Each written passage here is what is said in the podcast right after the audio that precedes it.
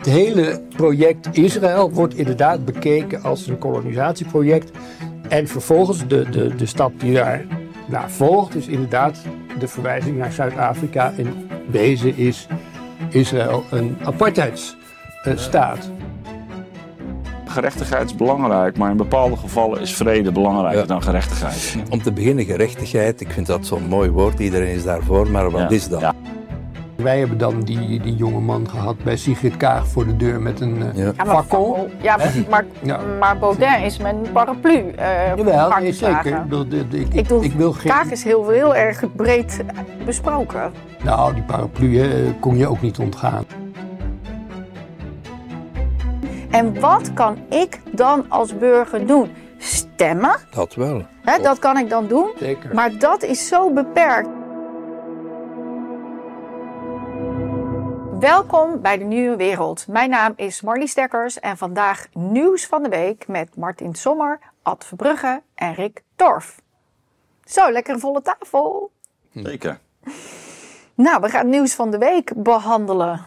Rick, heb jij wat in te brengen? Waar zou jij het graag over Wel, hebben? ik, eh, ik eh, zou eigenlijk iets willen zeggen over eh, de Spaanse politicus die vermoord is. Eh, Is die vermoord of een eh, aanslag? nee, inderdaad, een aanslag. Alejo Vidal Quadras, hè, eh, die de oprichter was eh, van de rechtse partij Vox. eh, vroeger ook een man geweest van de, ehm, van, de, van de Volkspartij, dus van de centrumrechtse regeringspartij van vroeger, van eh Asnar en anderen.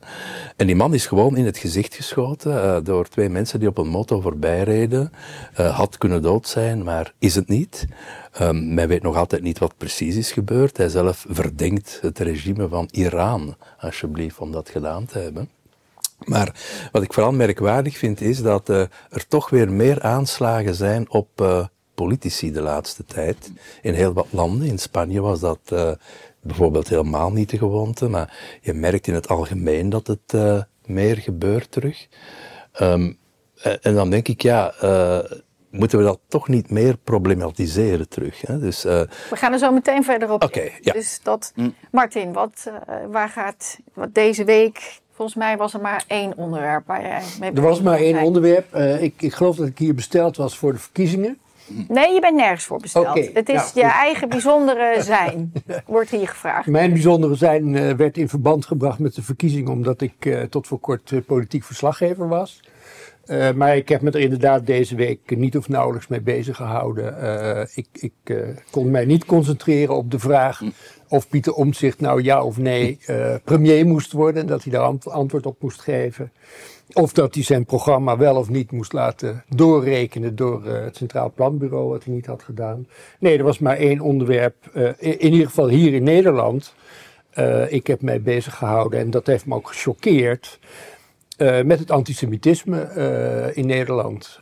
En en nou ja, ik denk dat we er zo direct vast nog wel verder over gaan praten. Maar één ding is misschien relevant om, om nu al op te merken: dat je toch ziet de, de landen om ons heen, eh, met name Duitsland en Frankrijk, hebben eigenlijk veel alerter op dat probleem gereageerd dan eh, onze bestuurders. De, de goede, eh, niet nagesproken, zoals Femke Halsema, die wel geprobeerd heeft om paal en perk te stellen.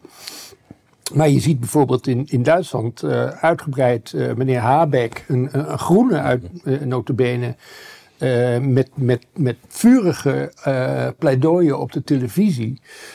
Nou, dat heb ik hier helemaal niet gezien. We hebben natuurlijk wel gisteren de herdenking van de Kristalnacht eh, gehad, waar minister Kaag een kranig optreden had. Maar goed, het is wel intussen een maand later.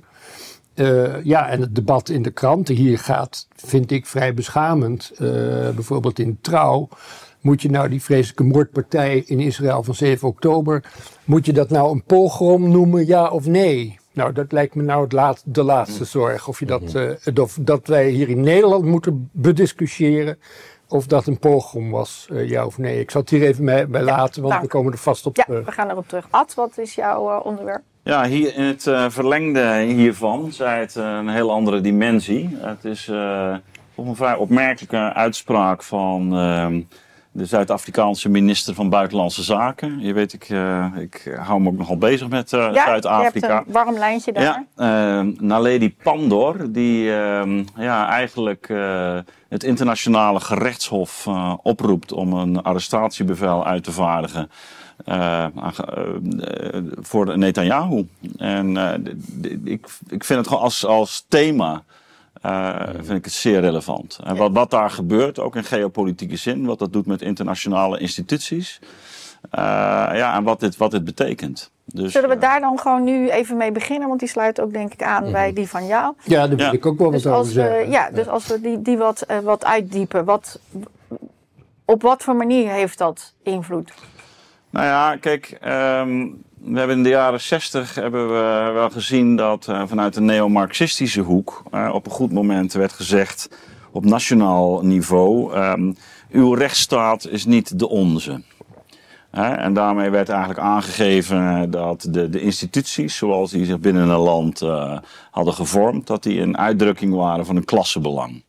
En um, dat was dermate vanzelfsprekend dat het geïnternaliseerd was door mensen. En, en de kritiek van, vanuit die hoek, wat betrof natuurlijk. Uh, ja, eigenlijk dat alle vooronderstellingen, de moraal, de, zoals het noemde, de ideologische reflectie, hè, letterlijke term van Marx, van, van klassenbelangen. Uh, het, het mensen verhinderde om, om met een scherp zicht te kijken naar de, die instituties en de werking daarvan. Terwijl uit naam van rechtvaardigheid in de kern, in, volgens die gedachtegang, uh, klassenbelangen werden bevestigd. Ehm, mensen die daarin meegingen, die leefden in een vals bewustzijn. Nou, het keert op de dag uh, van, van vandaag terug. Hè, de, de, de, marxistische idee van vals bewustzijn. En dan moet je natuurlijk wakker worden. En sommigen zijn nu woke, hè, of, of noemen zich wakker.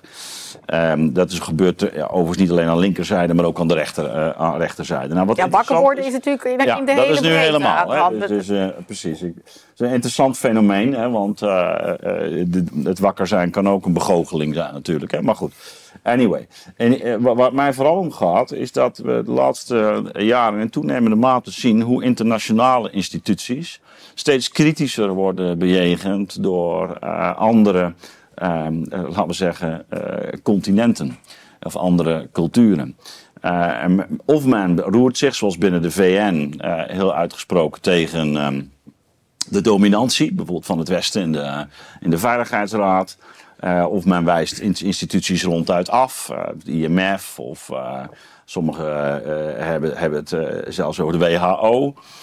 de, de, de communisten Negri en Hart spraken wel over empire, zagen dat eigenlijk als een, als een, als een, als een rijk, de organisatie van een bepaald rijk. Nou, wat nu interessant is, en ik denk dat dit geen toeval is, is dat, dat die internationale gerechtshof, het overigens niet wordt erkend door Amerika. Laat dat even duidelijk zijn. Hè? Mm -hmm. Maar toch, um, we hebben wel gezien dat uh, bijvoorbeeld in de oorlog Joegoslavië uh, Milosevic daar, uh, daarvoor tot de orde is geroepen en is veroordeeld ook.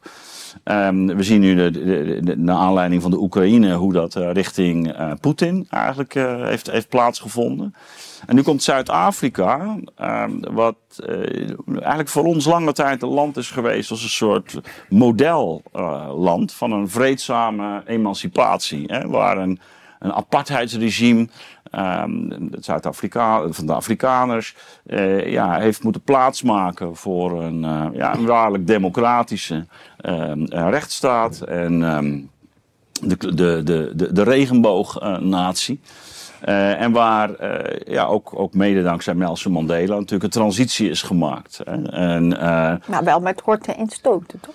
Jawel, maar het wordt toch, toch wel over het algemeen binnen, binnen de westerse wereld toch wel gezien als een, ja, een land wat, wat wij, dat, onze waarden zeg maar, heeft uitgedragen. Hè. Dus dat is, nu, nu is dat altijd al een beetje dubbelzinnig.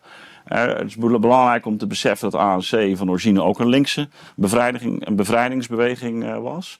Ehm, eh, en, en dat bovendien, laten we zeggen, de, de, de, de, de machtsovername nou niet inderdaad helemaal uh, pijnloos heeft, heeft plaatsgevonden. Maar niettemin, uh, uh, denk aan, aan, wat we de afgelopen decennia hebben gezien. Zuid-Afrika hebben we toch op, op het schild gehezen.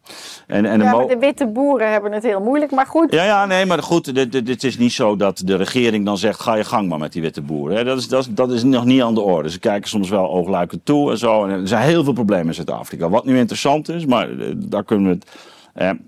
En waar ik het over wil hebben is, is Zuid-Afrika is nu een van de landen van de BRICS. Uh, is duidelijk uh, in een toenadering geopolitiek niet in de richting naar het westen, maar toenemende mate naar China, maar ook naar Rusland. Mhm. Ja. Die banden met Rusland zijn oud. En dat is al echt uh, uit, uit, de ANC-periode. Um, China heeft veel geïnvesteerd. China heeft veel geïnvesteerd, maar ik zag ook toevallig een interview uit 1990 met um, Nelson Mandela.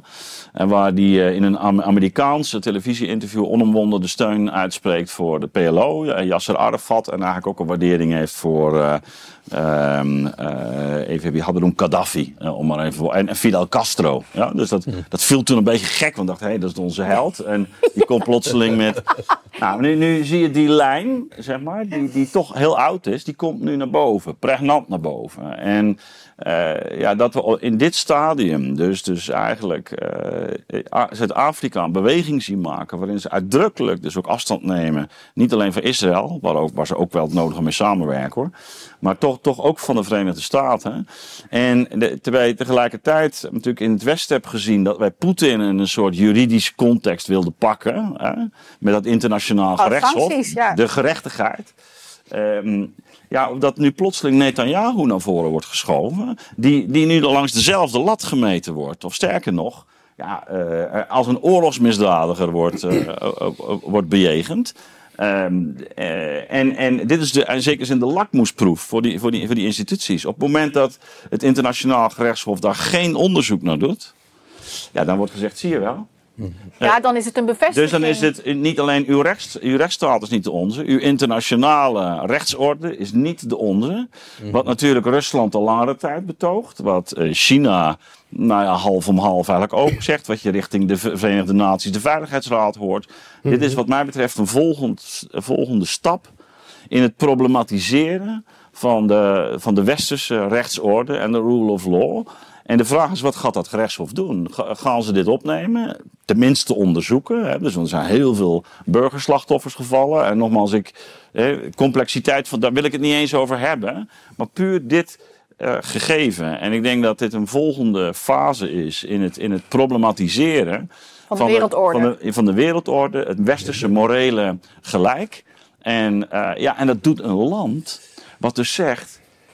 Uh, wat we zien in, uh, in Israël is apartheid. Wat we zien, het is, we gebruiken het hele discours dat wij gebruikt hebben ten aanzien van Zuid-Afrika.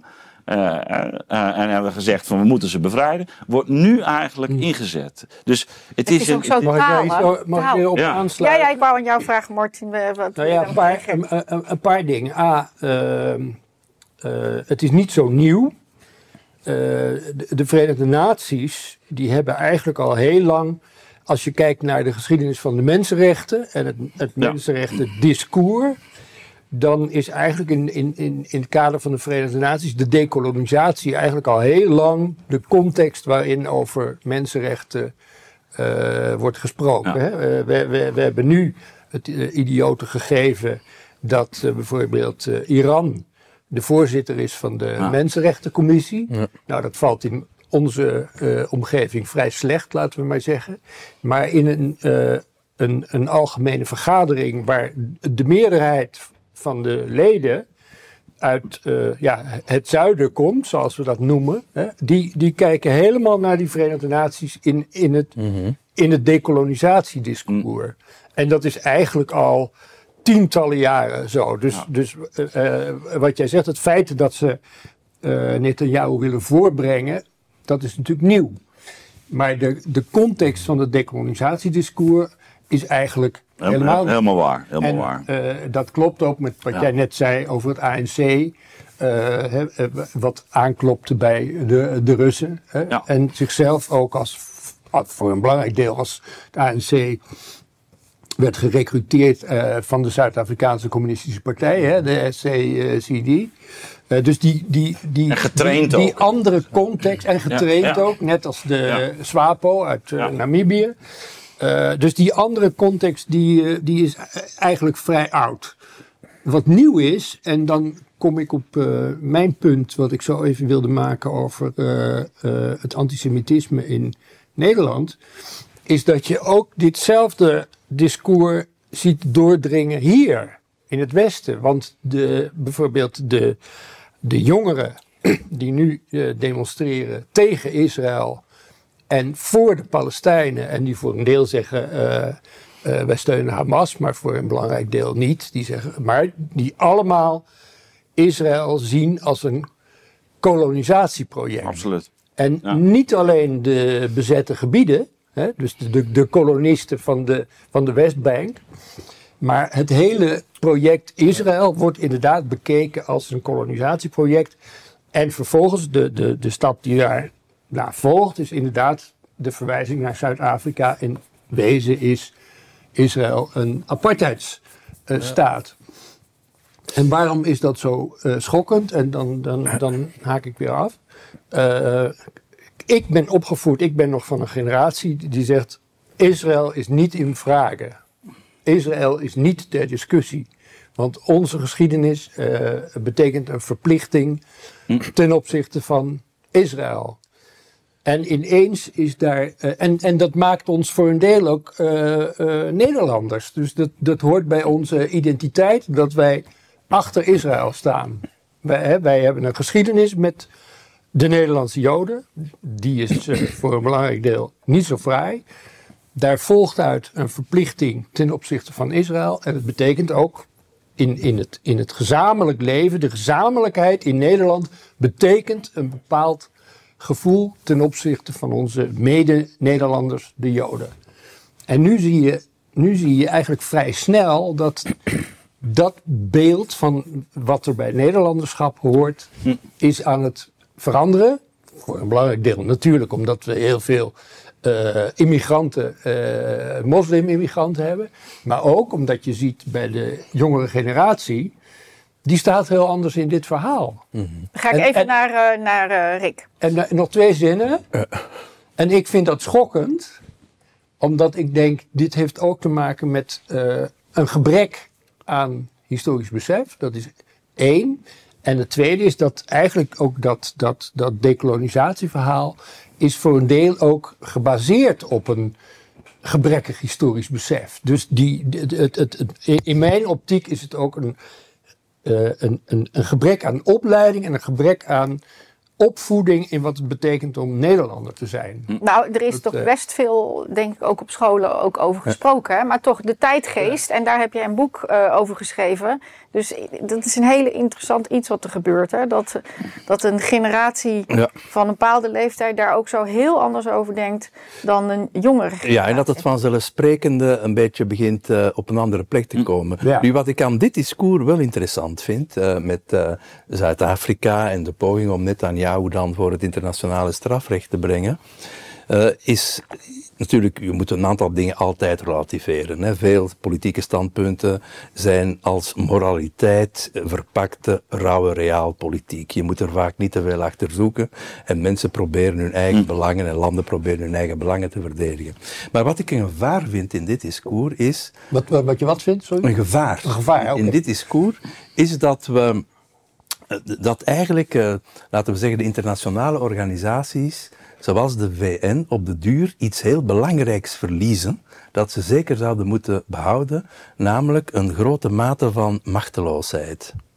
Ehm, namelijk, wanneer zij werkelijk op concrete terreinen, wat bijvoorbeeld zou kunnen gelden voor het internationale strafhof, te veel macht gaan hebben, eh, krijg je eigenlijk eh, ja, een, een soort ja, pure politiek en niet het proberen te overtuigen via diplomatie en inhoudelijke argumenten. Dus naarmate je meer en meer positief recht hebt, vermindert de marge om diplomatieke oplossingen te zoeken. Zeker. En het klinkt natuurlijk heel goed. Hè? Het is stoer om te zeggen, ja, we brengen Netanyahu voor dat strafhof. En eh, kijk eens, we hebben daar beelden van. En stel dat het zover ooit zou komen, wat niet zal zijn, maar stel dat het zo zou zijn, dat is iets wat op schijnbaar moreel vlak genoegdoening geeft. Nu, ik denk dat dat in het algemeen ook niet de goede politiek is, om zelfs met onsympathieke leiders, ik spreek mij nu niet uit over Netanyahu concreet, maar om met onsympathieke leiders om te gaan. Ik denk dat je die mensen de kans moet bieden om een uitweg te vinden, zodanig dat ze bijvoorbeeld in pijs en vrede de macht kunnen verlaten. Als je nu bijvoorbeeld denkt aan mensen zoals Poetin of iemand anders die wij meer nodig hebben in het Westen, Erdogan bijvoorbeeld, ja, dat zijn mensen die eigenlijk niet kunnen aftreden. Want als ze aftreden, lopen ze gevaar om, uh, ja, om ergens gevangen gezet te worden en zo verder. En in feite is dat heel raar. Ofwel heb je de macht, ofwel ben je een crimineel. Je moet denk ik in een, in een politiek die genuanceerd is, tussenwegen proberen te vinden. En dan denk ik met heimwee terug, bijvoorbeeld, naar oude tijden, naar de tijd van Napoleon. We waren nog allemaal veel jonger toen, dat is duidelijk. Maar die werd eerst naar Elba gestuurd een eiland. Ja. Het eiland lag nog te dichtbij. Hè. Uiteindelijk is hij beland in Sint Helena. Maar ik vind dat op zich een heel mooie gedachte. Zo'n eiland, ver afgelegen, waar je niet makkelijk uit weg Wie had je, wie waar had je willen sturen? wat mij betreft mogen gepensioneerde dictators of andere lieden daar in betrekkelijke luxe leven. Ik vind dat op zich. Maar er is, een- geen, er is geen ver weg eiland meer. Dat is natuurlijk het probleem. Ja, maar- met de nieuwe media en alles. Wel, misschien, misschien kunnen we een booreiland met palmbomen creëren. Ik, ik, ik sta open tot voor gelijk welk voorstel, maar je moet ergens, denk ik, iets vinden waarbij die extreme, die extreme juridisering, zeg maar, Ja, van ja, het internationale ja, wordt het vermeden. Ja, ja. Nou, ja, je zou kunnen zeggen, het is, het is een combinatie van juridisering en moralisering. Ja, die worden bij dat is, want die worden ja. bij, bij elkaar geplaatst. En eh, wat toch eigenlijk, eh, dat- je moet dat uit elkaar houden. En, en in moraal zit natuurlijk altijd ook een, een claim van een soort een, een- van een absoluut gelijk. Ja. En eh, dat met, met name in de westerse moraal, eh, Ja. zeg ik er dan bij. Ja, want de BRICS-landen denken echt gewoon al heel ook, anders. ook anders, maar ook Want die over... vinden dat iemand anders naar dat eiland moet. Nee, nee, z- Een zeker. andere maar- foute mens dan. Maar, dat is, maar daar zie je dus het ineengaan van op het moment dat je dus een, een, een, een vrij absolutistische moraal hebt. En die, dat speelt in, in onze westerse traditie. Dat heeft ook hele mooie kanten. Daar hebben we ook de mensenrechten eh, door geformuleerd. Hè, bij, eh, dus, eh, maar op het moment dat je die vervolgens juridisch, institutioneel eigenlijk wil, wil gaan afdwingen. Dus dat is een morele orde ook eigenlijk een soort van rechtskracht wil gaan verlenen. Dan moet er al vanzelf een, een, een wereldwijde orde gaan ontstaan. Waarbij het grote risico is dat, eh, dat de, degene die de macht heeft, de overwinnaar, ook eh, natuurlijk beslag legt op die organen. En ik denk dat voor een deel bij, met de Verenigde Staten zo is gegaan. Ook na de, na de Tweede Wereldoorlog tot op, tot op zekere hoogte. Ehm, maar we zijn ook in, in de jaren 80, 90 ook steeds meer van die morele oorlogen gaan voeren. En dan krijg je ook the war to end all wars. Wij, wij gaan nog een oorlog voeren. Dat is eigenlijk geen echte oorlog. Dat is een, gewoon een humanitaire interventie om een regering af te zetten. Of, eh, want die schenden de mensenrechten. En, en eh, ik denk dat hier dus iets, iets vergelijkbaars eh, gebeurt. Ehm, eh, wij, wij krijgen nu in zekere zin de spiegel voorgehouden. Ja. Ja, we- en, en dat maakt het zo interessant. De spiegel vanuit een land wat eigenlijk wat wij zelf hebben gezien als een, als een ja, toch een, een emancipatoire project. En, Maar dat en als- kun, je toch gewoon, dat kun je toch gewoon helemaal volhouden? Ik bedoel, eh eh, Netanyahu of, of Zuid-Afrika is waarschijnlijk niet de enige die Netanyahu voor het Nee, nee. gerecht Nee. Ik hoor dagelijks op de Nederlandse Ab- nee, televisie. Nee, maar daar ben ik het mee eens, de, Maarten. de, Maar- de Lisbeth Zegvelds die zeggen, we moeten de, de schuldigen voor het Ja. gerecht brengen. Ja, nee, Dus, ze- eh, nee zeker. Dus, dus, dus het is natuurlijk veel breder dan dat. Het, eh, je hebt helemaal gelijk, dat leeft hier ook. Dat, dat discours is juist ook heel sterk bij ons. Maar daarom Juist, komt het ook, juist in. Nederland. daarom komt het Ja. ook zo bij ons over. Ja. Maar ik vind dat zo fascinerend, die generaties. Ja, maar mag ik nog, mag ik nog even Ja. één ding afmaken? Ja. Dan kunnen we hierop, want dat, dit bereidt ook de overgang naar Martens thema eh, voor, denk ik. Hè? Zeker. Ehm, Eh, Kijk, er was een mooi vraaggesprek met ehm, eh, eh, Harari. Hè, dus van, van Homo Deus. Ik ben niet in alle opzichten fan van hem, maar dat doet er Nee, niet ik toe. ook niet. Hè, maar ehm, ik vond toch dat hij iets heel zinnigs zei. En dat was ook naar aanleiding van die vraag, of vraag naar... ehm, eh, ja, wat, wat moet Israël nu doen? En, eh, en hij liet zich op een goed moment ontvallen. En ik heb dat ook tegen mijn collega eh, eh, Gabriel van der Brink gezegd. die- ook hamerde op gerechtigheid. Gerechtigheid. En ja, en, en, en, nou ja, dat hoor je de Oud Testament, in het Oude Testament komen die termen ook nogal eens tegen. En dan krijg je vanzelf ook de wrekende God. Hè? Die, die... Ja. Maar het interessante is dat Harari zei. En dat vind ik heel belangrijk. Ja, ja, gerechtigheid is belangrijk. Maar in bepaalde gevallen is vrede belangrijker Ja. dan gerechtigheid. Ja, ik vind die En, gerechtigheid... en, dat is, en, dat is, en dat is exact dit punt. Ja. Hè? Ja. Dus een gerechtigheid die eigenlijk een stapje terug doet. En zegt, ja, inderdaad, moreel gesproken Ja. zou het moeten. Maar in termen van de vrede moeten we dus op een andere manier eh, denken. om, om te beginnen gerechtigheid. Ik vind dat zo'n mooi woord. Iedereen is daarvoor. Maar wat Ja. is dat? Ja, ik denk dus dan altijd in, aan de prachtige woorden van Blaise Pascal. Plaisante justice qu'une rivière borne, vérité en deçà des Pyrénées, erreur au-delà. Leuke, leuk recht, hè?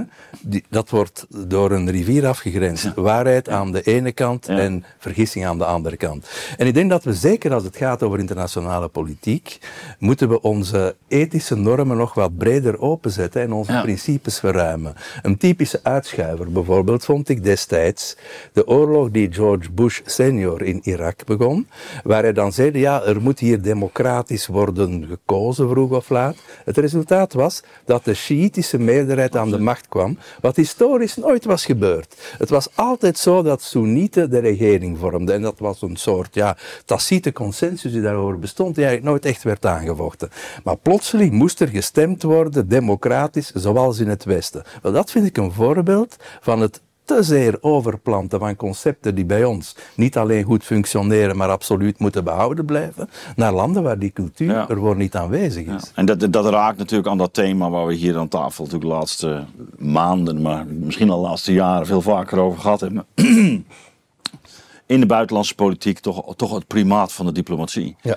En daarmee. Ja, maar toch vind ik, ik proef bij Martin iets anders. Of zie ik dat verkeerd? Nee, dat sluit wel aan. Ik bedoel, eh, eh, Maar ik voel bij jou toch een soort felheid. Nou ja, ik heb hier Mag, een standpunt over. Ja, mag. En, eh, eh, kijk, aansluitend bij, bij Ad, eh, inderdaad, de, de vraag die voortdurend, met name in Nederland, als moralistische natie op tafel ligt, is: Ja. wat, wat moeten de Israëli's doen? Nou, dat is op afstand van hoeveel kilometer is het? Is dat een betrekkelijk eh, makkelijke vraag? Ja. En vervolgens wordt die vraag inderdaad eh, eh, verabsoluteerd, dus, dus, dus gemoraliseerd en tegelijkertijd gejuridiseerd. Want je ziet op televisie meer.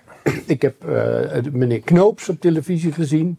Ik heb Lisbeth Zegveld in de krant gezien. Dus die, die, die allemaal zeggen: ja, dit mag Israël doen en dit mogen ze niet doen. Nou, gaat het maar aanstaan als je daar boven die tunnels in, eh, in Gaza staat en eh, je moet beslissen, we- gooi ik er een bom in je of nee. Maar het, het, het punt is, en dat is denk ik eh, eh, wat je bedoelt, eh, eh, dit is een manier van redeneren die, die kennelijk bij een jonge generatie enorm aanslaat. Ja. En hè, de- dan, dan wordt er dus eh, gezegd, ja, de Israëli's houden zich niet aan de regels. Het is een schande. En dat past in dat discours van, van mensenrechten. Want inderdaad, de, het nadeel van die mensenrechten is dat het juridisch geformuleerd wordt. Dus het- dan is het al snel een enorme schande als je je daar niet aan houdt. En het tweede punt is dat het aanslaat. En dat is volgens mij eh, eh, het verhaal wat. wat eh Ad begon net met, met het marxistische verhaal, wat eerst dominant was, het klassenverhaal. Maar dat is helemaal vervangen door een decolonisatieverhaal. Die, die twee eh, gaan elkaar over. Hè? Ja, ja, maar die de Ja. kijk, marxisme en mensenrechten, Ja. die hadden niks met elkaar. Nee. Maar decolonisatie en mensenrechten, die, die passen als een handschoen Ja. eh, op elkaar. Maar mag ik toch, jij mag zo reageren, Ja, ja, maar ja. toch heel even. Is er echt zoveel historisch besef zoals bij jullie? Voor Nee, de jongere generatie. Nee, dit is helemaal Nee, dus er is, het is iets Dus, met... is dus alleen maar wat je ziet op tv. En dat past in zekere zin wel bij dat mensenrechten idee. Want je ziet Ja, maar ik denk dat die ze elkaar niet- de koppen inslaan. Ik denk, dit mag niet. dus Ik denk dat ze niet eens tv kijken. Dus die generatie kijkt geen tv. Nee, maar ze Die- kijken wel op dat social ding. media. Ja. Ja. op dat ding. Dat is Ja. toch vooral social media. Dus voor mij Ja, maar daar speelt- komen toch ook die filmpjes voorbij Ja. over Gaza. Ja, ik weet het, maar er speelt voor mij iets anders. Maar Rick, hoe nou, zie jij dat? zeg jij dan zelf wat er volgens jou speelt? Nou, ik ben benieuwd naar Rick. Eh, Dat wel, onze eh, ik een van de eh, punten die, die zeker snuffelaar. spelen. eh, eh, snuffelaar nog altijd. Kijk. Oh, ja. Eh, dus- en, en, en nu volgt de grootste onzin. Nu, eh, een van de dingen die denk ik wel spelen, is dat eh, eh, men heldere grenzen aans- nastreeft tussen goed en kwaad. Ja. En als die te helder worden, wordt het heel moeilijk. Ook oorlogsrecht, eh, ja, dat werkt altijd goed, zolang het geen oorlog Ja. is. Dus Ja. daar heb je toch ook een dubbelheid in. Eh, nu, wat ik wel denk, dus bijvoorbeeld, ik heb toch ook grote vragen bij de vreedheid die eh, Israël hanteert op dit moment in het bombarderen van Gaza. Dat gaat mij te ver. En er zijn misschien andere mogelijkheden om tot een gelijkaardig resultaat te komen op politiek vlak. Ik vind, ja, je moet toch eh, de proportie kunnen behouden. Eh, wat dat betreft, dat heeft voor mij niks te maken met antisemitisme, dat ik 100% verwerp. Hè. Dat, er is een verschil tussen een concreet regime Nou, dat is- aan de ene kant. Dit zeggen sommige Joden in Israël zelf ja, ook. Hè? ja, Dus, en dat moet duidelijk ja. gezegd worden dat dat eh, eh, verschil bestaat. Maar ik denk dat als je problemen wil oplossen in het algemeen, is het misschien toch beter met kleine draadjes te beginnen. De draadjes van het inductieve, in plaats van met grote principes. Ik ben nooit een fan van principes geweest, eh, al is het maar uit zelfbehoud. Maar een principe betekent eigenlijk dat je iets voorop stelt waarover je niet langer hoeft na te denken. Hè. Dus, Maar dat is wat jij zegt, hè? dat is een principe. En, en dat, dat, speelt, dat wilde ik net zeggen ook over die ju- juridisering. Ook dat zie je eh, veel breder. Kijk, eh, je ziet op dit moment bijvoorbeeld dat Extinction Rebellion sluit zich aan bij de, eh, de, de, de, pro-Palestijnse demonstranten. En je ziet dat die eigenlijk dezelfde mindset hebben, want voortdurend dat klimaatprobleem wordt gejuridiseerd. Dus ze gaan niet in gesprek met Shell of met Tata, nee, ze gaan naar de rechter. Nou, daar wordt dat inderdaad precies wat Rick zegt. Daar wordt dat probleem niet mee opgelost. Daar, Maar- daar, maar het daar, is- daar wordt de, de, ja. de scheiding der geesten eigenlijk alleen maar groter Ja. in plaats van kleiner. En uiteindelijk zul je toch om, om een tafel Ja, jij mag en- zo, maar ik wil toch even. Maar jij, jij, wat jij zegt, ik kan jou niet nauwkeurig eh nazeggen, maar jij legt hier wel op tafel, hè, van, vanuit jouw gen- generatie gezien, ehm, is het eigenlijk, heb je gewoon geen keus. Je staat achter Israël. Jij zet dat heel fors aan. Ja, dat vind ik, ik bedoel, met alle mogelijkheden tot kritiek. Hè. Laten we, Ja, ja, maar dat- laten we dat dat- niet vergeten. Ik bedoel, dat, die, Ja, maar dat leg die, jij die- zo die fors. proviso moet wel gemaakt worden. Ja. Maar wij hebben een geschiedenis in Nederland. En daar hoort bij een bepaalde relatie met Israël. Ja. ja. Ad. Ja, ehm, kijk, die beweging van, van juridisering, die is eigenlijk op allerlei terreinen al decennia lang gaande. Dat is, eh, Het is ook een manier om ergens in intermenselijke contacten en relaties eh, eh, eh, vast te gaan leggen. Desnoods contractueel of met eh, gestipuleerd. En als iemand dat dan overtreedt, dan kun je hem daarop aanspreken. Ja, maar wij hebben, kijk, En- Amerikanen zijn naar de letter van de, van de wetten. En wij hebben hier Ja. natuurlijk altijd. Zeker. Wij, nee, maar er is nog wel een verschil tussen Europa en Amerika. Ja. Amerika is natuurlijk al veel verder eh, doorgegaan, maar je ziet het hier ook. En het, bet- en het betekent ook. meer. Ja, en het betekent ook. Ehm, hè, dus, dus dit kan ook, eh, la- laten we zeggen, in, in de sfeer van het bedrijfsleven. Hè, dus hele uitgekoude juridische contracten met allerlei. Zit er middenin. Ja, ja, nou voilà. Ehm, en dat is wat anders dan de boer die handjeklap doet, hè, om het zo maar te noemen. Ja, dat is echt. Ik heb Dat die is- ogen ja, aangekeken. En, en, dit is, hè, en dat is wat man. Fukuyama overigens trust noemt. Hè? Dus het vertrouwen waarop, eh, waarop een samenleving eigenlijk het beste functioneert. Maar goed, in een, in een situatie van wantrouwen, of waarin iedereen een self-interested rational animal, eh, animal is, hè, eh, egoïstische dieren, gaan we dat allemaal organiseren en regelen. En dus dat is een veel bredere ontwikkeling. Maar er komt bij dat we in toenemende mate eigenlijk eh, merken dat, dat de politiek niet in staat is, of de diplomatie faalt om op gevoelige dossiers, bijvoorbeeld klimaat, om een, om een gesprek op gang te brengen en tot consensus te komen. Wat je dan gaat zien. Ehm, is dat, dat men eh, de, de, de verschillende partijen gewoon andere tactieken gaan eh, gebruiken. Nou, juridisering is in feite een, een, een, een, een uitwas van een, een, een, het verlies van politieke cultuur. Nee, maar dus het is een depolitisering. Dus je ziet het allerlei, en, en daar komen moraal en, en recht samen. Want als je een absolute moraal hanteert en die in recht gaat uitdrukken, dan hoef je het daar politiek helemaal niet meer over te hebben. Dat is juist. En daar is zelfs nog Dus- een ander punt. Als je kijkt naar de Universele Verklaring voor de Rechten van de Mens, hè, die er gekomen is in 1948. Een jaar later zou ze niet meer mogelijk geweest zijn, omdat de Koude Oorlog al een stuk verder was. Toen ging het nog. Eh, Dat zijn allemaal wel rechten die naar voren worden geschoven, maar er zijn telkens weer uitzonderingen. En steeds werd gezegd, het enige recht dat absoluut is, is eh, het verbod om te martelen. Maar voor de rest, ja, het recht op leven, nee, er is wettige zelfverdediging en zo. mee. Free speech, nee, als die eh, free speech leidt tot een bedreiging van, van, van de openbare orde of de volksgezondheid, er waren altijd uitzonderingen. Nu, dat was één categorie mensenrechten van de eerste generatie. Later zijn er bijgekomen. Die van de eerste generatie zijn bovendien juridisch stringenter geworden. Zoals bijvoorbeeld het recht op leven, dat bijvoorbeeld in de Urgenda-zaak in Nederland is gebruikt en gejuridiseerd.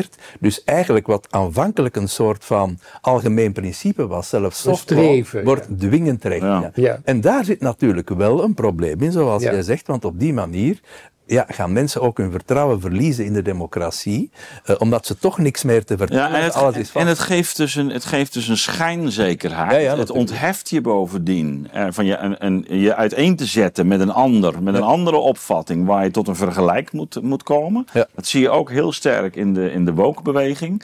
Dat in plaats van met elkaar te overleggen hoe gaan we het hier doen Mhm. en hoe kunnen we rekening houden, maar, eh, kiest men voor juridisch-institutionele wegen en eh, eh, eh, publieke eh, naming en shaming. Eh, dus dus je, je, je, je gaat brieven schrijven naar universiteiten, eh, Ja. beroep op regels. Dus de, en voortdurend moeten regels worden toegepast, ge- gehandhaafd. Nou, dat, is, dat is misschien ook het verschil met eh, wat ik bedoelde over Israël. Hè? Dus wij, wij hebben een historische houding of gevoel ten opzichte van, van het bestaan van Israël. En dat is nu helemaal weg en wordt vervangen door eh, waar we het nu over hebben: van wat zijn de regeltjes? En eh, valt Israël daar wel of niet onder? Dan, dan krijg je een heel ander historisch Ja. discours over. Ja, maar eh, wie was daar nou het eerst? Hè, dat, dit dit Ja. soort verhalen krijg je dan met, met kaartjes uit 1800 of 1900 of 19 weet ik veel. ja, en, de, Hè, en, op- en de Joden kunnen de- terug naar de Romeinse tijd. Ja, dat de maakt het alleen Romeinen maar, of alleen maar 600 voor Christus. Maar dat is natuurlijk Ja, terug naar je heritage. helemaal niet. Hè? Terug naar de heritage. Ja, Ja, maar, ja, maar maar- dat is een mogelijkheid. Maar als je de dingen puur moreel bekijkt, het conflict eh, Israël-Palestina in Gaza en zo, ja, je kunt massaal aan beide kanten morele redenen Ja, aanhalen om zo te is zeggen, Absoluut. deze mensen Zo zijn het. volledig verkeerd. Ja. Dus kom je hier in een volledige padstelling Ja. terecht, want dan is het een zeg maar een strijd tussen schurken waarbij ze allemaal moeten veroordeeld worden. Dat helpt niet. Je moet proberen een oplossing te vinden. Inderdaad, rekening houden met alle mogelijke factoren. En waarin je ergens moet zien, als je ooit vrede wil, en ik ben niet zeker dat, misschien is het onoplosbaar, Hmm. het probleem, maar moet je toch proberen om niet vanuit de slechtheid te gaan, maar van de kleine dingen die misschien de slechte Maar mag ik toch heel even, kijk, wij hebben een andere ander gesprek ook opgenomen. En daar ehm, kaart jij aan van ehm, wat als we nou naar een samenleving zouden gaan met nul verkeersslachtoffers. Ja. Nou, als we dat doortrekken, hè, dat we dus naar een samenleving gaan, wat dan dus een prijs heeft, maar wat een soort perfectie heeft, Mhm. maar wat vrijheid op een bepaalde manier natuurlijk Nee. Ook helemaal Nee. eruit Kijk, drukt. Ja. Het, het meest veilig is de mens opheffen. Ja, Ja, nee, ja, maar dat heel, is- mag ik dan even zijn mijn we er punt? vanaf. Ik weet, ik, ik maak hem Ja. vast heel gebrekkig, mijn punt, maar ik wil hem toch proberen te dat- maken. ja. En Dat zou betekenen, dan moet je eigenlijk gewoon maar in je huis blijven, want naar buiten gaan, dat kan kwaad doen. Ja. Eh, Is het, als je deze gedachte doorzet, is het dan niet, toch niet dat je altijd toch weer uitkomt op een conflict? Ik denk het wel. Ja. Eh, schaarste begrip, op alle terreinen speelt dat, economisch, maar ook menselijk. In dit geval over land. Hè, daar zijn eh, twee volken die in hetzelfde land willen zitten. Ja, dat is niet gemakkelijk. Hè. Eh, zelfs België en Nederland zijn ooit moeten splitsen, terwijl wij zo erg veel van elkaar houden. Dus hier werkt dat. Eh, ja, dat, dat, er is een schaarste begrip. Dus moet je uitgaan van een onvolmaakte situatie, waar je moet zoeken naar een onvolmaakte oplossing, die heel Vreed- moeilijk te vreed- bereiken is. conflict vreedzaam oplossen. Ja, En, proberen, maar natuurlijk we staan ja. er verder vanaf dan in de jaren 90 na de Oslo-akkoorden. En mensen die geprobeerd hebben vreedzame oplossingen te zoeken, werden vermoord. Zoals Sadat na Camp David, Rabin na Mm, ja, de Oslo-akkoorden.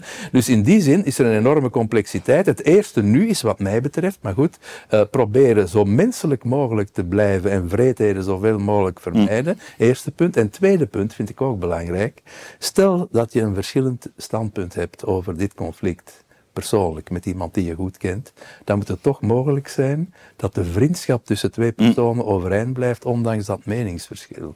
En, en nou ja, ook dat mij- zie je eigenlijk en dat, dat- steeds moeilijker dat wordt moeilijker in, en dat- eh, dat moeten in we toch allerlei blijven eh, kwesties. ja. Hè? De, de- Ja, ja dat, dat, dat, dat raakt misschien ook eh, aan, aan jouw thema, ehm, wa- waar ik het graag over wil hebben. Maar toch nog even aan jullie de vraag. Hè, dus Zuid-Afrika, internationaal strafhof. Ehm, hoe, hoe schatten jullie eigenlijk, we, zien de, dynamiek rond de BRICS en het Westen.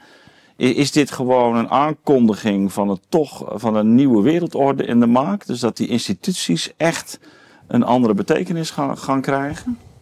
Ik, vind, ik hoop dat de wereldorde voor een groot stuk ook een wanorde blijft. Dus een, een te grote eenheid is een catastrofe. Ja, maar, maar dat, dat hebben we natuurlijk wel enige tijd gezien. Hè? Bij Pax Americana was Ja. het een poging toch om... Ja, maar wat, wat, wat ik ook zie, als ik soms geschriften uit de jaren 50 lees, en dat was natuurlijk nog in een tijd dat men korter na de Tweede Ja. Wereldoorlog zat, dan was er zo soms bij sommigen de hoop op een wereldregering. Ja. En dat is lange tijd was dat dan weg. Je ziet dat vandaag soms terugkomen. En Maar natuurlijk ook een, mensen ja. die er tegen ageren. Gelukkig, want een wereldregering zou betekenen het einde van de democratie, dat brute krachtsverhoudingen het gaan overnemen.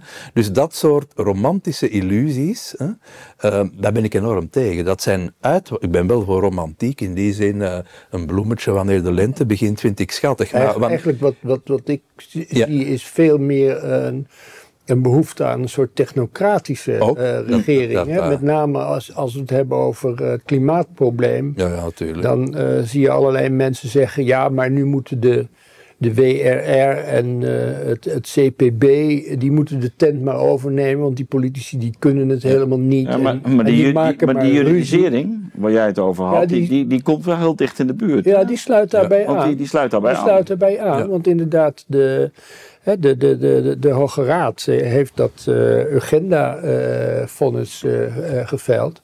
Nou, dat zit natuurlijk heel dicht bij wat de wetenschap, tussen aanhalingstekens, eh, ja, min of meer voorschrijft op hoe we dat, eh, hoe we dat klimaatconflict, Terwijl- ja, het probleem moeten Terwijl, denk ik, regeringen het recht hebben om antiwetenschappelijke beslissingen democratisch te nemen. Dus dat is nu even heel scherp gesteld. Dat is de plicht. Maar ja, maar als dat niet meer kan, ja, dan word je meegezogen in een pseudo-expertise die misschien Ja. later Ja. door een nieuwe stand van de wetenschap zal worden ontkracht. komen we misschien op hebben we onze kaarten afgegeven. Ja, ja. We komen toch nog op de verkiezingen en de weigering van... Wil je daar iets over om- zeggen?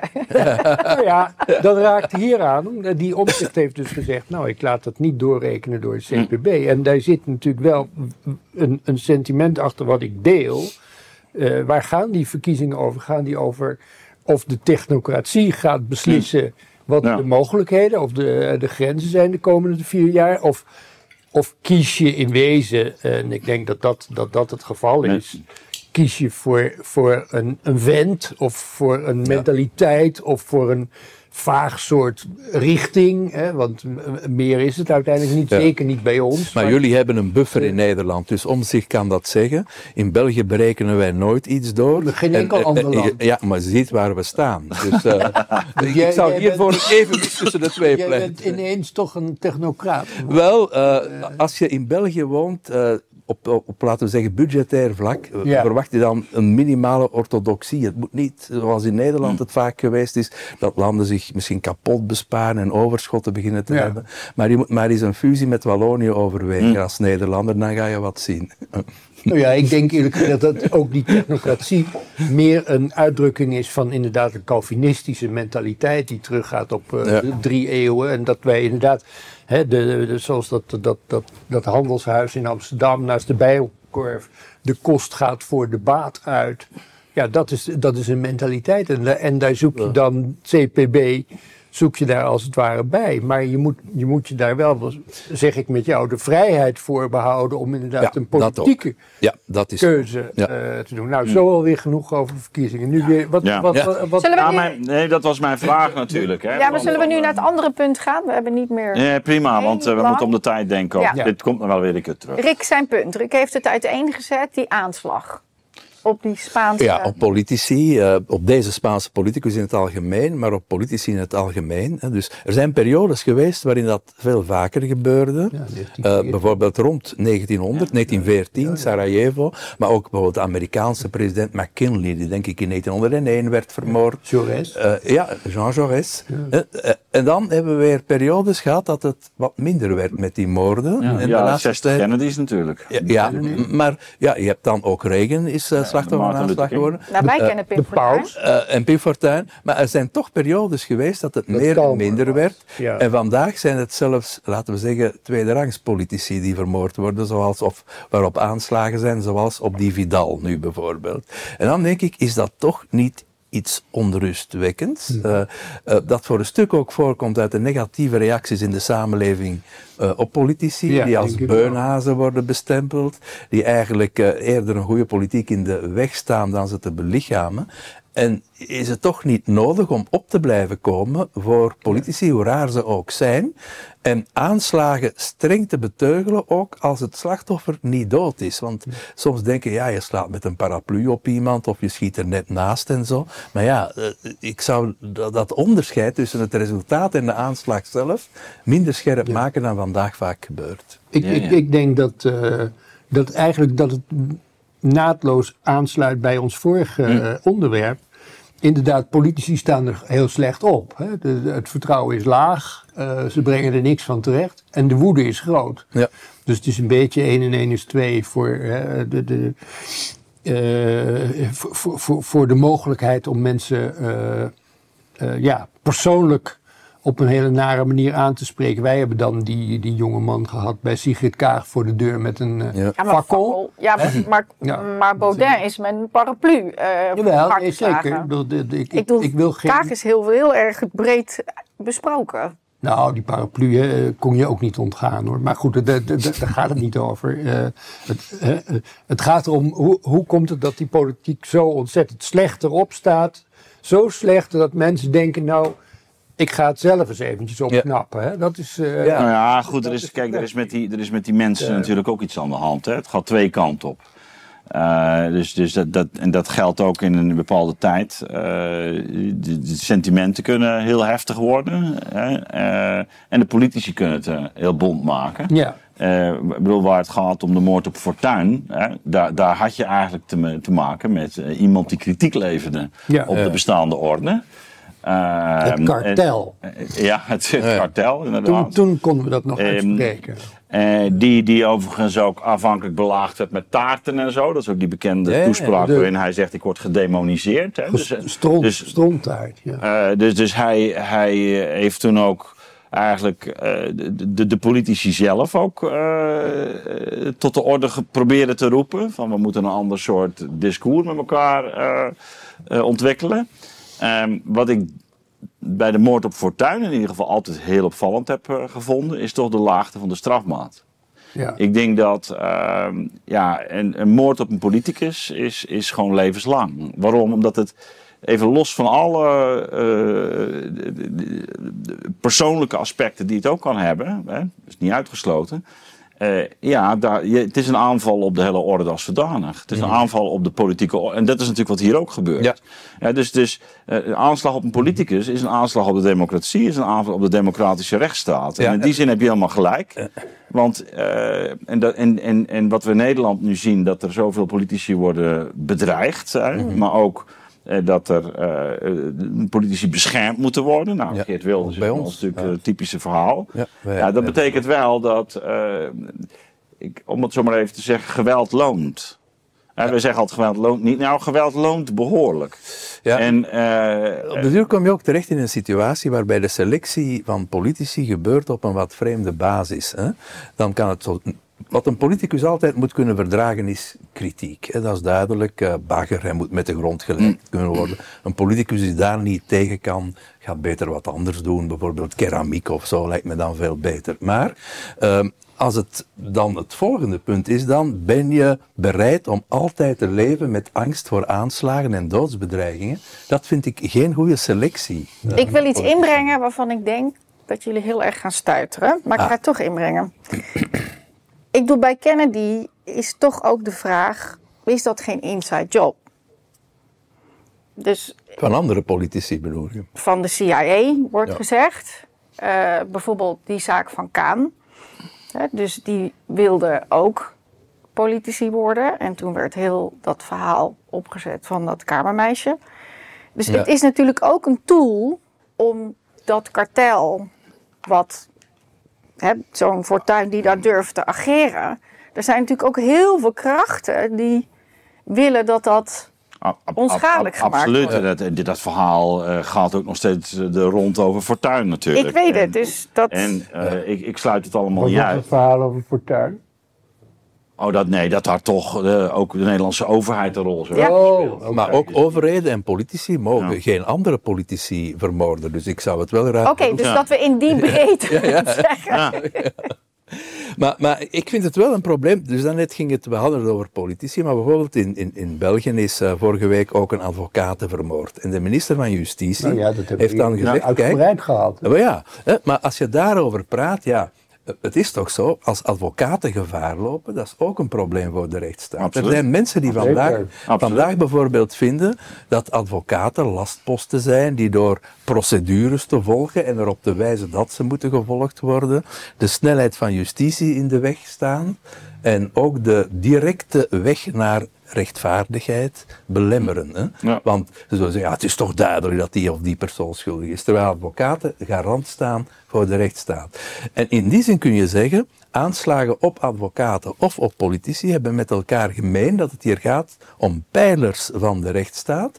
En dat je daar dus inderdaad extra zorg moet voor dragen dat die kunnen functioneren politici, ja, op de duur moet je een kleurloos politicus worden uit angst om vermoord te worden. Dat kun je nou ja, en, en, kijk, en de volgende stap uh, is natuurlijk dat uh, je het eigenlijk alleen nog maar kunt, permit kunt permitteren om politicus te worden in een onveilige omgeving. Ja. Wanneer je, en dat is al een thema, je kent het, dat zie je in de Griekse oudheid al, uh, dat je een eigen lijfwacht hebt. Ja en een, een hele organisatie daaromheen. Nou ja, dat heeft Wilders natuurlijk. Nee, ja, maar dat is nog van overheidswegen.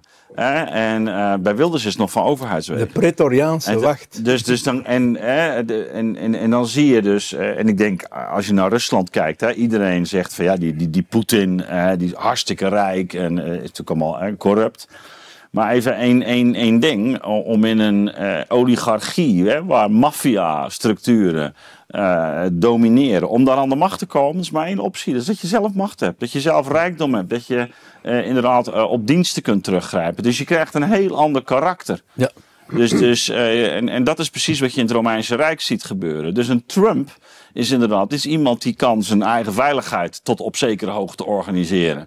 Maar gewoon een gewone Nederlandse politicus, ja, die is aangewezen op een overheid. En Fortuin, ja, dat was gewoon loslopend wild. En, uh, en ik denk als Elon Musk uh, een gooi zou doen dat presidentschap, die organiseert gewoon heel zijn eigen heeft hij nu veiligheid. Ook al, heeft hij nu ook al. Ja. maar dat is dus, het, het, het, het, het, het kenmerkt ook natuurlijk, uh, laten we zeggen, de overgang van een open democratie naar een veel meer uh, machts- en geweldsgeladen democratie, waarin je ander type leiders ziet opkomen. En dan zijn wij hier natuurlijk gewoon provincie. dat is, we zijn nog maar daar zijn we hier natuurlijk nog wel een paar mijl nee, van, van Wij zijn, nee, maar wij zijn dus, gewoon provincie. Uh, wij beslissen überhaupt niet. Nee. Wereld, wereldpolitiek. Kijk, de, de, de, waar ik mee zou willen aansluiten is de, de slechte roep van politici. Die komt eigenlijk door het feit dat ze aan, aan politiek doen. Ja.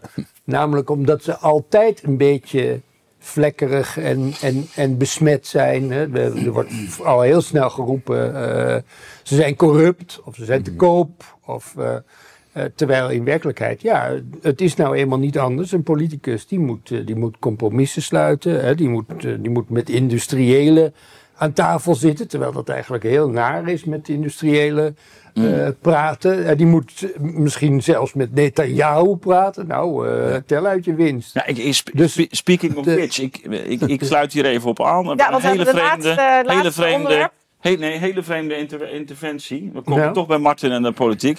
Rutte, die Ja. nou de wereld afreist. ja, dat is toch ontzettend interessant. Nou, Ja. naar Qatar eh, voor de tweede keer weer met Maar ik heb- ik heb al blij de- zijn dat niet alle landen dat doen. Want Ik dan- heb al uitgebreid op de radio de theorie gehoord dat Rutte dat alleen maar doet om zijn baantje bij de NAVO te Hmm. krijgen. Nee, en zou hij het op verzoek doen, denk je?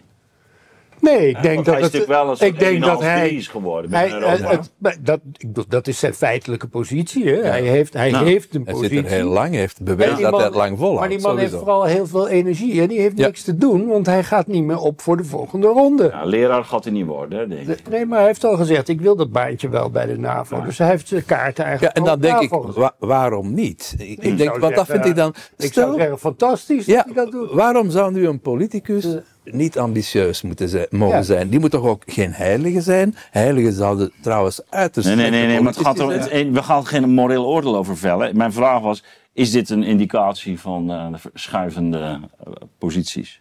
Is, Nou ja, is dit- hij heeft al gezegd in, in een van de interviews, ik wil die baan Ja. van de NAVO wel hebben. Dus dat ook, gewoon ja. dat, Ja, maar dit doet hij natuurlijk niet maar zonder nu wordt er rechtspraak. gesuggereerd Tuurlijk, van, ja. hij doet in opdracht van Amerika of hij doet het om dat baantje te krijgen. Nou, dat kan me eerlijk gezegd allemaal niet schelen, Nee. precies wat jij zegt. Hij doet vermoedelijk heel goed werk. Dus, eh, We hebben in, in België ook een hele rare zaak gehad eh, met een politica die ook door een speling van het lot Rutte heet, maar met een N erachter. Gwendoline Rutte. En die was lang vo- voorzitter van de Liberale Partij, werd gepasseerd om de ontslagnemende minister van Justitie ehm, ja, ehm, te vervangen. Enkele weken geleden was ze woedend en zei ik verlaat de nationale politiek. Nu nam er een Vlaams minister ontslag, eh, Bart Somers, onverwacht. eh, en ja, eh, Rutte is nu Vlaams minister als opvolger van Somers. En er werd overal gezegd, hoe is het mogelijk? Ze denkt alleen aan haar carrière en zo. En ik denk, inderdaad. En ze is niet helemaal consequent en het komt niet fantastisch over. Maar ik vind het ook menselijk. Ze was eerst heel woedend. Ze heeft een technische kennis over stikstofdossiers en zo. Vandaag enorm belangrijk. Waarom zou ze dan niet op een iets wat twijfelachtige manier van mening mogen veranderen, zoals ook een industrieel dat doet, of een voetballer die al dan niet tekent voor een club of eh, in contractonderhandelingen zit. Dat bedoel ik dus. Een, een politicus is eigenlijk een afspiegeling van de samenleving. Waarom zou hij veel beter moeten zijn dan andere Ja. mensen? Ik ben ik al weet- lang blij als ze niet veel slechter zijn. Ja, ik weet het niet. Ik, ik, ik keur natuurlijk aanslagen ongelooflijk af. Maar Ah, ik vind wel, wel. dat de, ik vind wel dat de politiek heel ver van de burger af is komen te staan. Dus dat er een agenda gevoerd wordt die zo niet resoneert. Het is, eh, kijk, als eh, ik ben twintig jaar CEO geweest, er werd altijd gezegd, ze moeten je rug nog kunnen zien. Nou, ik vind dat, dat nu, wij kunnen echt hun rug niet meer zien. We weten gewoon, waardoor er allerlei dingen op geprojecteerd kunnen worden. Van, en het werkt zoveel werk nadelig uit voor de burgers. En het wordt, veel wordt bepaald in de EU. Dus we zitten ja, ook wel ja. in een, op een ik hele breekbare balans. Dat het, de bevolking ze echt niet meer begrijpt. Nee, maar Waar heb je dat het ben ik, eh, over? met je eens. En, en eigenlijk hebben we al een aantal van die dingen eh, die daar een rol in spelen, hebben we al behandeld. Hè, bijvoorbeeld die juridisering. Eh, daar hoort voor een belangrijk deel natuurlijk ook Europa bij. Ja. Waardoor het eigenlijk voor die nationale politici alleen maar moeilijker wordt om, zoals jij zegt, om hun rug te laten zien. Zeker. Want eh, ja, eh, dat is ook een beetje het verraad of het verraderlijke van die verkiezingen. Hè? Eh, en dat voelt iedereen wel Ja. aan. Ja, we gaan dit doen, we gaan zus doen. Wat heb je nog te zus. kiezen? Want het- maar iedereen weet, nou, Europa wordt het daarna, bepaald. Daarna is de, is, is de, is de speelruimte is Klein. buitengewoon gering. Ja. Maar het, is, het, het punt is, de vraag is of je dat die individuele politici kunt aanrekenen. Ja, maar wie dan wel? Dan wordt het zo abstract. Nou, voor een deel de, de burger, jouzelf bijvoorbeeld, om, eh, om maar wat te noemen. Ja, oké, wat kan ik dan als burger doen? Moet ik dan niet stemmen? We Wat hebben het er nu in ieder geval over. Hè? Ja, ja, maar Nee, toch. nee, maar wat kijk, moeten eh, we dan eh, doen? eh, ik bedoel, jij, jij hebt een pensioenfonds. Misschien jij niet als, als, als CEO, maar de meeste van ons hebben pensioenfonds. Nou, staat er niet goed voor. Dat ligt eraan. Nee, er verdwijnt geval- enorm veel geld.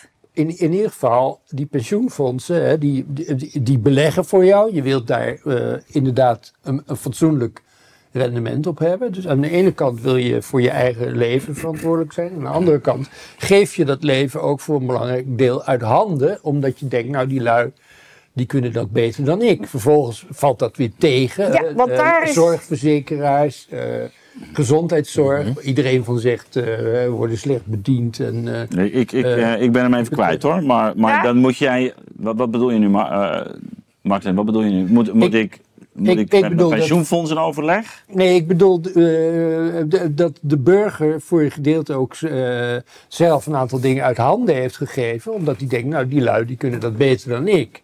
Maar dan moet je daarna, is het lastig klagen tegen diezelfde mensen. Hè, of je het nou over Moeilijk. een zorgstelsel hebt, Ja. of je hebt het over een pensioen. Of, Ja, ik Ja, vind, het dus, is- ik vind dus, we zitten op een breekbaar, Ja. Absoluut. Dat, dat breekbare grond hierin. Ik Ja. weet niet of dit een goede zin is, maar ik vind toch dat dat...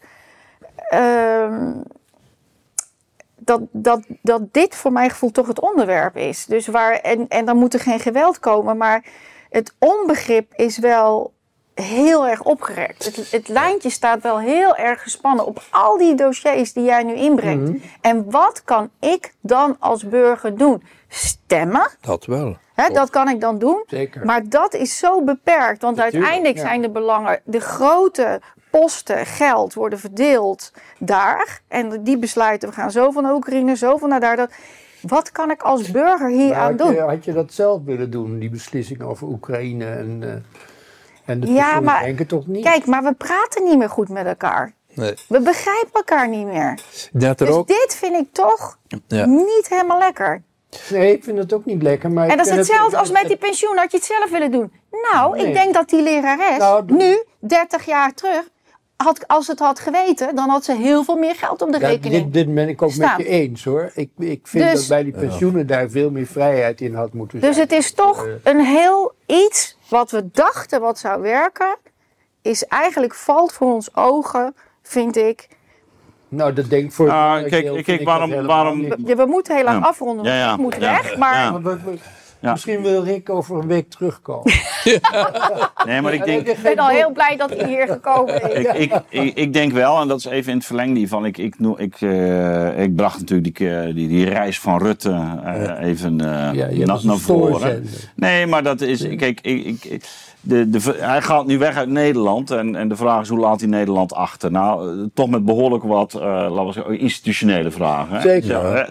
En vervolgens gaat hij over naar een internationale orde. En jij zegt, ja, doet hij geweldig werk. En de vraag is, en dat is denk ik toch een beetje het, het, het, onbehagen. Van, eh, van de- die, die, de, de manier waarop die instituties werken, ook Dat is- Europa, maar ook wat er met de NAVO is gebeurd en de uitbreiding van de NAVO en hoe dat allemaal is gegaan, eh, wat er nu in Israël speelt. Er is een soort wantrouwen. Absoluut. Hè, die, die dus, dus, en, en dat, Rutte staat daar niet los van. En Nee, nee. Dat, dat wou ik maar even Ja, ja. aangeven.